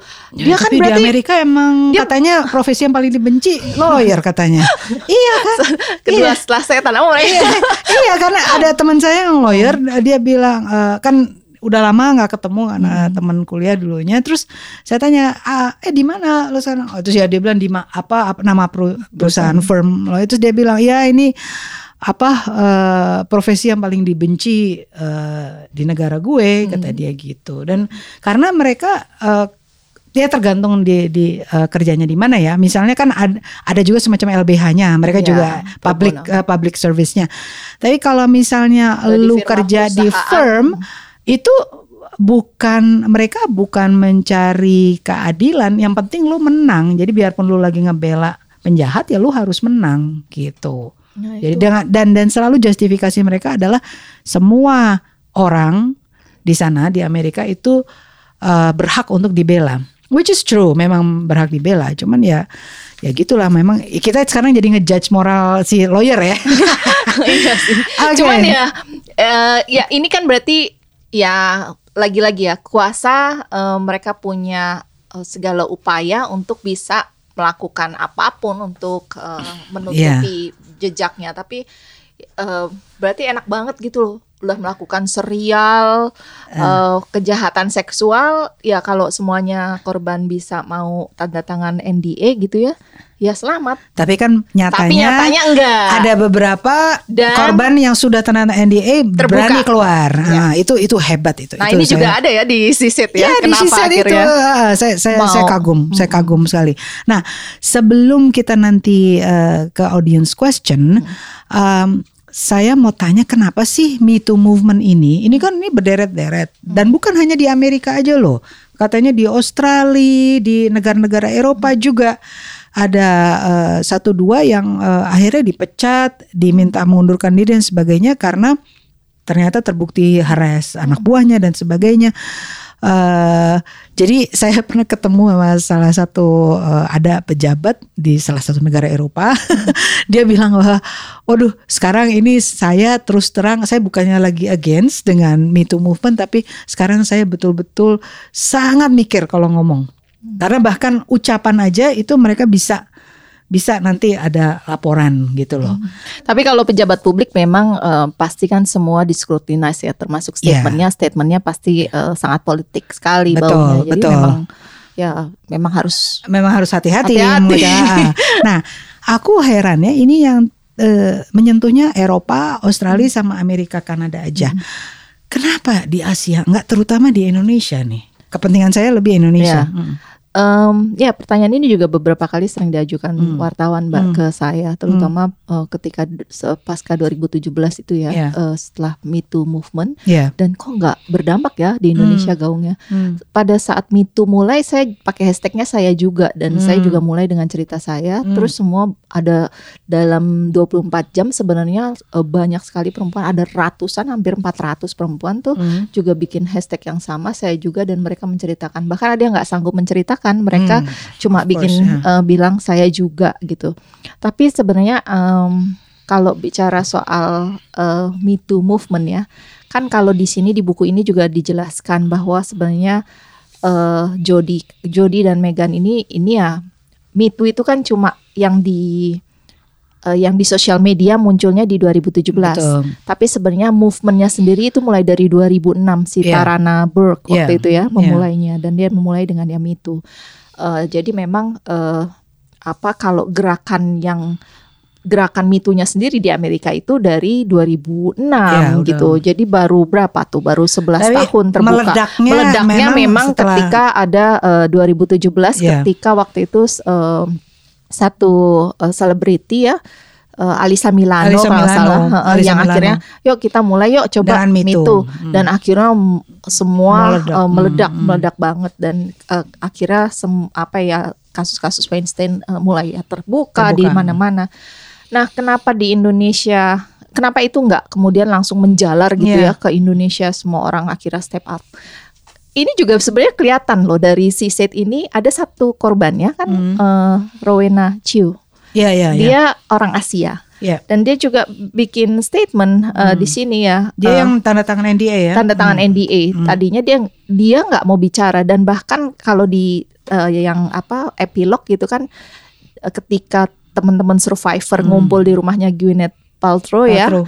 um, dia adalah satu orang yang nggak mau cerita apa pun yang paling ya dia cuma keluarkan kamera, dia potret, uh, boleh nggak dia uh, pokoknya dia yang paling sedikit uh, bicara Iya. di uh, apa pertemuan Padahal dia itu. diperkosa. Padahal ya? dia diperkosa dan eh, dia ya itu dia dia hati-hati betul gitu.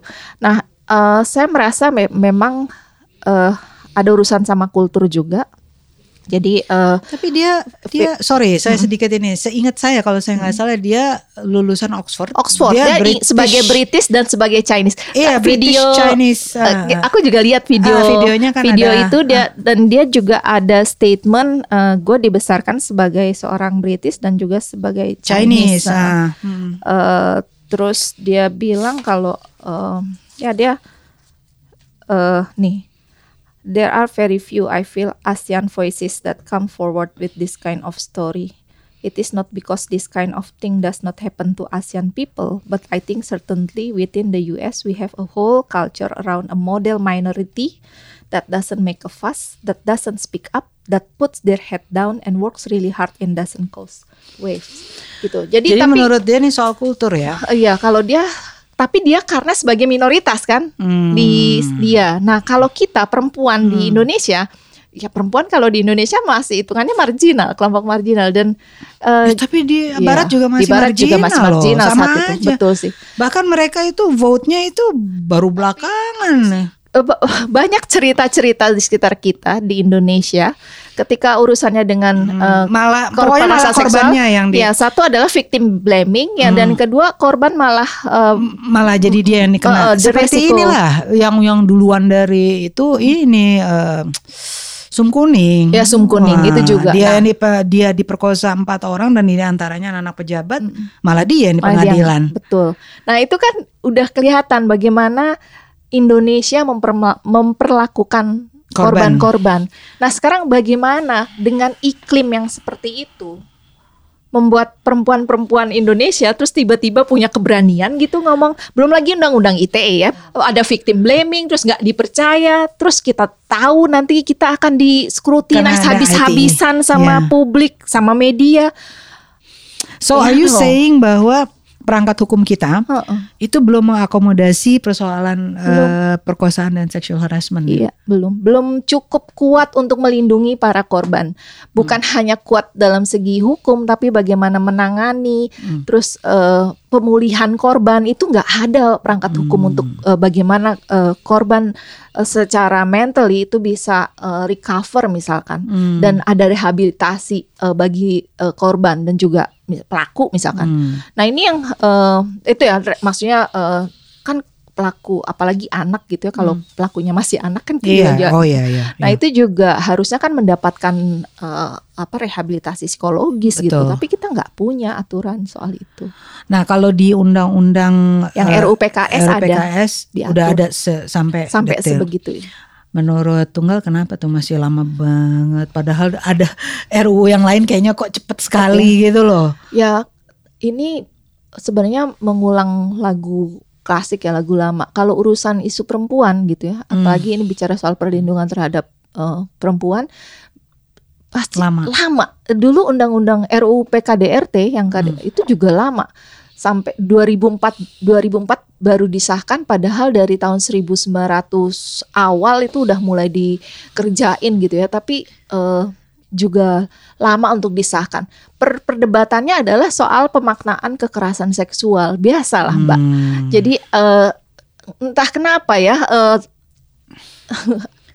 ya ini pasti ada kontestasi ideologi juga. Eh, iya. Di satu sisi ada yang merasa bahwa ya itu kan bukan perkosaan, tapi Iya. yang kita gimana ya sulit meyakinkan orang-orang bahwa yang kita paling bekerja susah yang itu kalau kalau pokoknya gini perkosaan itu masih di translate didefinisikan oleh orang umumnya harus ada attack. Jadi hmm. attack si ceweknya harus sudah teriak-teriak tapi nggak ada yang bantu Hmm, persis. dan harus sampai betul-betul terjadi perkosaan sampai the end gitu. Jadi Dan perkosaan cuma penetrasi penis ke vagina. Maaf nih.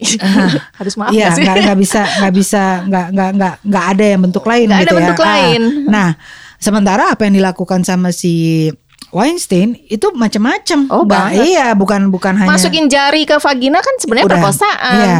Nah, jadi eh itu satu, tapi kedua sebenarnya saya lebih mempersoalkan yang susah banget itu akan didefinisikan perkosaan adalah dengan adanya power relation tadi Iya. bahwa sama seperti yang terjadi di Bombshell, Hmm. yang terjadi sama tokoh Kayla Iya. bahwa oke kalau lu mau maju gua bisa I can pluck you out from Iya. from yeah the long line and then I can promote you but you have to uh, apa sih um, uh, pokoknya dia mesti nicey nicey dengan si bos ya. Nah itu kan endingnya kita tahu di ending sekali kita tahu ternyata Kayla itu harus tidur sama si Iya, sama si si bos bos. gitu kan. Hal seperti itu kalau baik di sana maupun di sini itu dianggap mau sama mau. Padahal kan itu sebenarnya perkosaan, ya kan? Bahwa faktanya dia mungkin dipanggil, ya kan dia dipanggil ke ruangan, kemudian apa pun yang terjadi dia nggak ngelawan, itu kan buat saya itu tetap perkosaan gitu. Nah, sementara kalau orang tradisinya itu ya harus teriak, harus meronta, ngerti ya? Jadi harus ada darah-darah berceceran dan di harus ada mana-mana. attack gitu. Maksudnya ada attack, ada, ada serangan dan Ah. dia harus melawan meronta. Iya, jadi jadi harus ada eh, apa Itu elemen ah, ah, ada tahap-tahap semacam itu. Sehingga saya membayangkan yang terjadi terhadap Kayla ini ini masih susah dianggap perkosaan di sini ya di Indonesia gitu. Itu yang membuat mereka nggak lapor dan sebagainya dan nampaknya di tempat kerja itu yang terjadi. Iya, betul. Seperti Kayla itu karena ada kekuasaan, kemudian mereka ya udah gitu. Dan sebenarnya baru-baru ini juga rupanya di ada perusahaan-perusahaan besar terjadi seperti itu Iya. gitu. Nah ini kan artinya eh, perlu sebuah eh, panduan khusus ya Mbak ya. Ini Hmm. juga eh, karena orang akhirnya tidak paham betul. Eh, Hmm. Kayak misalkan di sebuah kantor banyak yang nggak punya eh, safeguarding policy misalkan Ya, em, soal anti anti sexual harassment policy misalkan. ya. Jadi itu dianggap biasa saja. Mereka Hmm. nggak ngelihat bahwa eh, ada problem ketika eh, atas seorang atasan eh, melakukan eh, hal semacam Harassment. itu. Gitu. Karena masih banyak yang menganggap itu soal pribadi. Dikirain itu pribadi itu Hal bukan privat, pribadi. Ah, Mbak, eh gue nggak mau ikut-ikutan lah bisa, itu pribadi. Loh itu bukan pribadi. Kalau kolega eh, j- apa itunya sama itu lo ya saling cinta ya nggak masalah Ah, gitu. ah. Persoalannya kalau udah atasan sama bawahan. Iya, ya kalau memang mereka pacaran mau kawin Declare. lain, nah, ah, ya Iya. tinggal, tinggal declare memang. Tapi ini persoalannya bukan pribadi gitu. Iya. Jadi eh, itu yang jadi problem. Oke, kita eh, langsung masuk ke audience question ya. Ini pertanyaannya menarik nih. Pertama dari eh, Ed Muhammad Sodikin 007, apakah bisa dikatakan diskriminasi gender jika korban yang terkena tidak merasa terdiskriminasi? Nah, itu tuh yang yang yang Iya, yang iya, blur- ruang blur abu-abu. line. itu yang susah loh memang. Hmm. Dianya tadi kan disebutkan bahwa kadang-kadang orangnya sendiri nggak tahu gitu bahwa dia sedang di violate gitu. Iya kan? Eh, begini ya, em, kita tentu saja nggak bisa maksa-maksa. Eh kamu korban loh, kamu korban Iya, gitu. Kita nggak iya, bisa iya, begitu. Iya. Eh, yang bisa kita lakukan adalah terus-menerus memberikan pengetahuan, men-share Hmm. eh, informasi ke Iya. publik. Eh, seperti apa sih yang namanya eh, kekerasan seksual itu? Seperti apa sih yang namanya diskriminasi diskriminasi gender gitu? Hmm, hmm. ya memang harus korban yang uh, step up dan bicara ya kita kita tahu bahwa ini ada persoalan diskriminasi gitu tapi yang Hmm. kita bisa sampaikan adalah uh, ya fakta aja Iya. Uh, tapi kita nggak bisa nyuruh ya lu korban nih Iya, lu korban iya, ya itu nggak bisa tapi Iya. ya begitu uh, itu jadi ya satu kerja panjang ya buat Iya. kita semua untuk kasih uh, penjelasan kepada publik tentang apa itu definisi kekerasan seksual, apa sih sebenarnya yang namanya contoh-contoh diskriminasi gender itu seperti Hmm. apa gitu. Hmm. Oke, yang kedua eh, at cuci KP batasan sesuatu bisa dianggap diskriminasi gender atau bukan tuh apa ya Mbak? Mungkin kasih contoh lebih. Uh, diskriminasi gender itu sederhana. Kalau dulu ya misalkan ini yang sering jadi contoh kayak misalkan di dalam ini kalau dalam lingkungan keluarga hmm. uh, ada anak perempuan dan anak laki-laki, hmm. tapi akhirnya uh, ketika bicara soal akses pendidikan tinggi yang dapat uh, akses uh, laki-laki. Sementara yang perempuan ketika dia padahal dia juga ingin tapi karena gendernya udah kamu perempuan, kamu tuh nanti jadi istri, kamu di rumah saja. Hmm. Nah, sebenarnya uh, keluarga dalam hal ini orang tua sudah melakukan diskriminasi gender, hmm. diskriminasi berbasis gender terhadap yeah. anak perempuan di rumah tersebut. Yeah. Nah, begitu pula juga uh, itu kan terjadi di lingkungan keluarga, ada juga hmm. di lingkungan pekerjaan. Misalkan hmm. diskriminasi, misalkan berbasis gender itu bisa banyak sekali contohnya. Hmm. Kayak misalkan ada tugas-tugas yang uh, keluar kota, misalkan itu dianggap tidak cocok buat perempuan, yeah. sehingga akses dia untuk mendapatkan konferensi atau training di luar negeri dibatasi. Hmm. Padahal um, dia sama uh, kapabelnya dengan yang laki-laki hmm. gitu. Tapi karena hmm. dia perempuan, dia misalkan tidak dikasih akses untuk yeah. menghadiri uh, konferensi konferensi-konferensi hmm. di luar negeri yeah. misalkan. Dan nah, kadang-kadang nah, keputusan itu enggak nggak langsung dikeluarkan oh ini perempuan ini laki nggak gitu juga sih tapi lebih dengan sendirinya aja iya, gitu uh -uh. jadi nggak aduh kalau cewek nanti begini gitu nggak gitu enggak, juga enggak. apa uh, ya terjadinya begitu aja gitu uh. bahwa kayak udah inherent aja gitu uh oh ya ya udah si si X aja uh gitu nah sekarang sih sebenarnya uh, diskriminasi gender yang lebih kelihatan kalau berbasis identitas gender, Mbak. Jadi tentu saja misalkan transgender, itu kita udah tahu lah, susah banget cari pekerjaan. Nah, itu kita udah tahu itu kita Aduh. diskriminatif banget terhadap teman-teman hmm. trans women misalkan hmm. uh, untuk uh, dapat akses pekerjaan yang layak. Hmm. Uh, pasti yang diminta yang binary kan, yang uh, antara perempuan atau laki-laki, yeah. tapi yang uh, trans uh, mereka nggak dapat akses. Nah itu udah jelas sekali ada diskriminasi berbasis identitas gender. Iya. Yeah. Bahkan kan uh, kalau contohnya misalkan di uh, lingkungan pekerjaan atau kalau pemerintah saja, pemerintah kan bikin uh, pernah ada bikin uh, statement menerima lowongan pegawai negeri sekarang udah dibuka CPNS uh, pertama tidak disable, kedua tidak LGBT.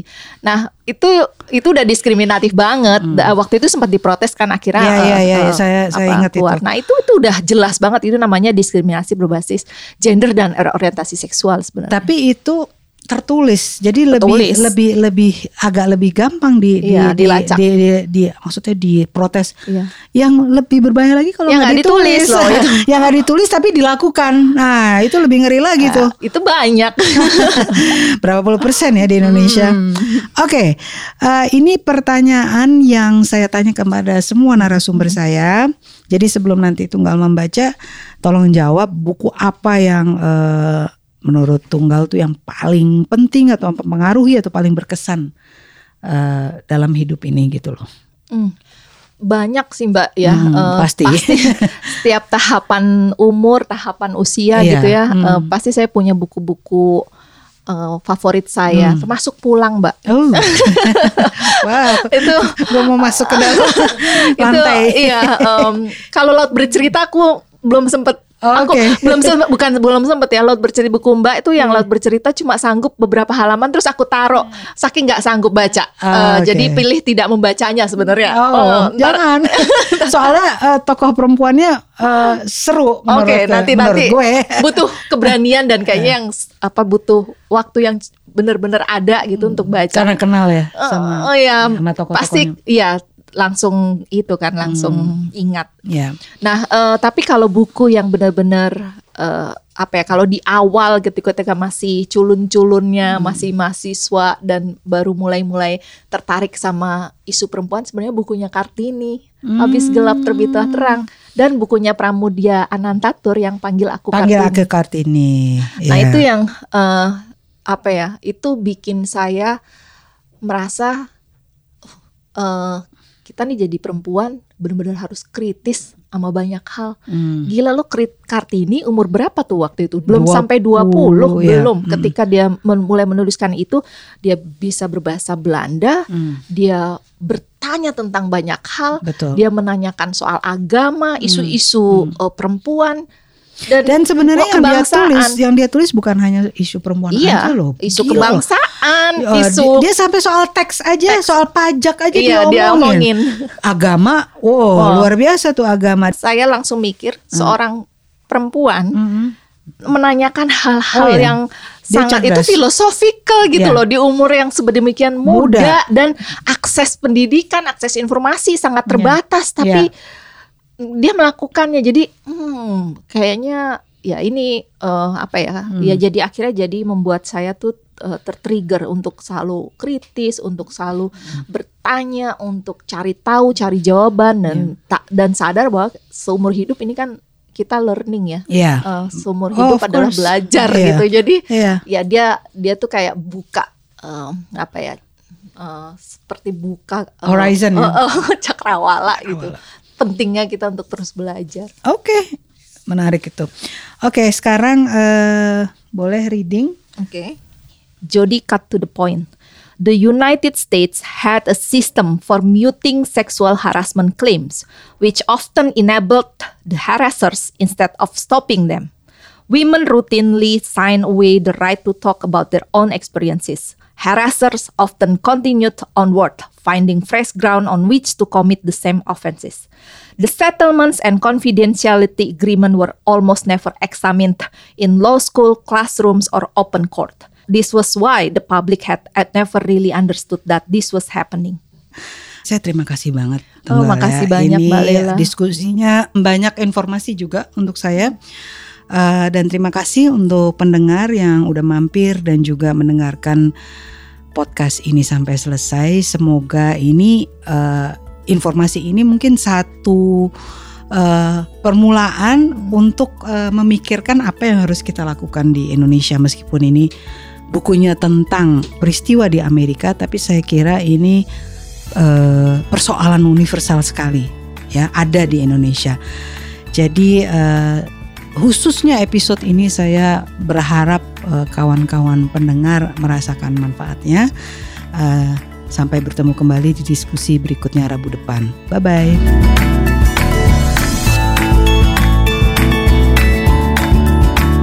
Terima kasih sudah mampir mendengarkan diskusi podcast kami. Jangan lupa tekan tombol subscribe atau follow di mana pun Anda mendengarkan podcast ini. Acara ini juga didukung oleh media partner kami Femina Media. Sampai jumpa Rabu depan.